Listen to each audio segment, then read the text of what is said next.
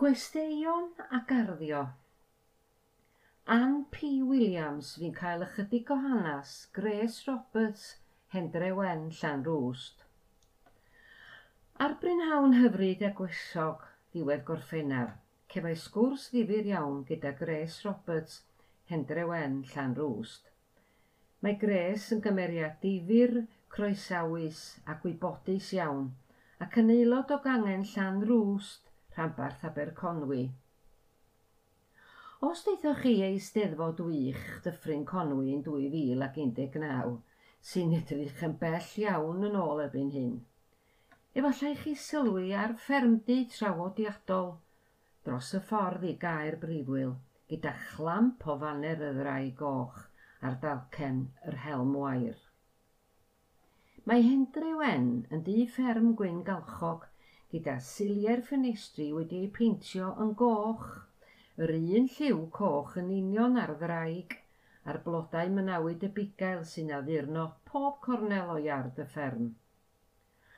Ar y fferm yma, sydd hanner ffordd rhwng Betws y Coed a Llanrwst, mae miloedd o ymwelwyr gwely a brecwas wedi cael blas ar wyliau fferm am gyfnod o dros ddeugian mlynedd a mwy rhwng 1973 a 2015.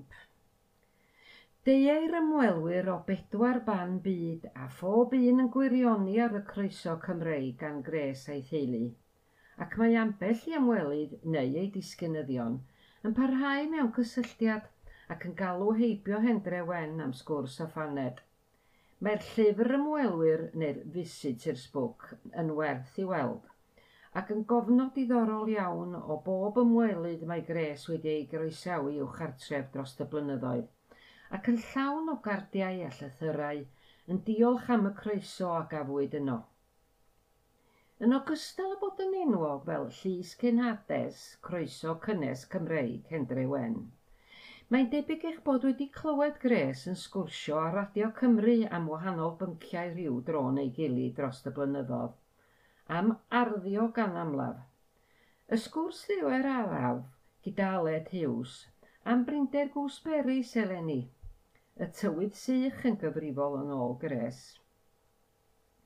Mae hefyd wedi ymddangos ar raglenni teledu amrywiol gyda'r ardd hardd yn gefndir lliwgar a chroesawus i bob cyfweliad.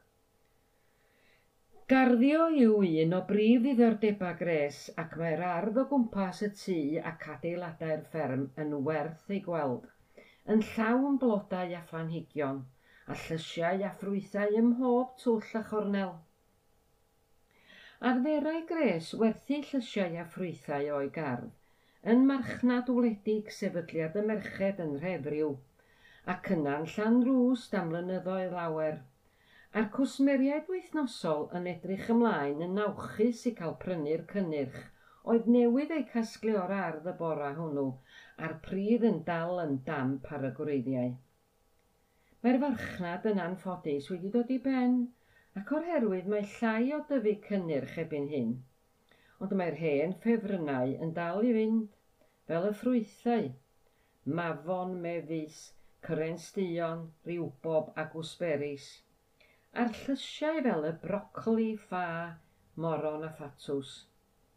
Y tro dweitha mi weld gres diwedd awst, roedd hi'n cael ffrau go iawn efo'r malwod am ei bod yn bwyta'r tatws a hithau yn pwyso mesur y ffordd orau i ddelio efo nhw. Am flynyddoedd mae Gres wedi bod yn cystadlu mewn sioiau lleol, Llan Rwst, Nebo a Dolwydd Elan, yn nosbarthiadau'r llysiau a bloda, gyda gafalau bramli oedd yn pwyso pwys yr un ac yn enwog drwy'r fro. Mae sawl cwpan wedi ei hennill o ardd Hendrewen a gres wrth ei bodd yn cefnogi'r sioiau a chyfarfod hen ffrindiau yn flynyddol. Wrth fynd o gwmpas yr ardd efo gres, mi wnes i ddeall bod bob blodyn a phlanhigyn fel rhan o'r teulu gyda Gres yn cofio o ble y daeth a phwy oedd wedi ei gyfrannu i arddenwog Cendre Wen. Beth oedd angen i'w wneud i gadw bob un ar ei ora am yr amser hira, a sut oedd trin y toriadau ar yr amser cywir er mwyn iddynt slwyddo a ffynnu. Mae Gres yn ymwybodol iawn o effaith y tywydd ar blanhigion, a gall ddweud fel mae'r tywydd arbennig yn effeithio, er gwell neu er gwaith, ar bob un blodyn a phlanhigyn sydd ganddi. Unwaith awr hydref, mae'r mynawyd y bugail yn mynd ar ei gwyliau i'r beidi dros y gaea a thoriadau yn cael eu cymryd. Rhaid ei bod yn hoffi ei lle yn y beidi o edrych anynt yn ei gogoniant bob haf. Dros ddeunaw mis y pandemig, mae Gres wedi colli cael cwmni aelodau Clwb Blodau Betws y Coed a chlwb garddio Meunain. Rhain ymhlith sawl digwyddiad misol arall mae hi wedi bod yn mynychu, fel Merched y Wawr, Cymdeithas y Chwiorydd a'r Gymdeithas.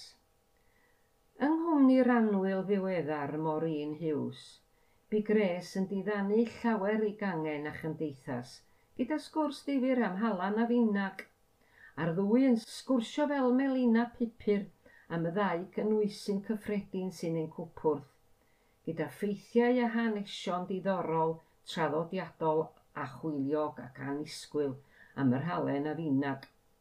Roedd y tips ar anwyd am ddefnyddio halan a finag ar gyfer bo math o lanhau neu wella cyflyrau yn werthfawr iawn.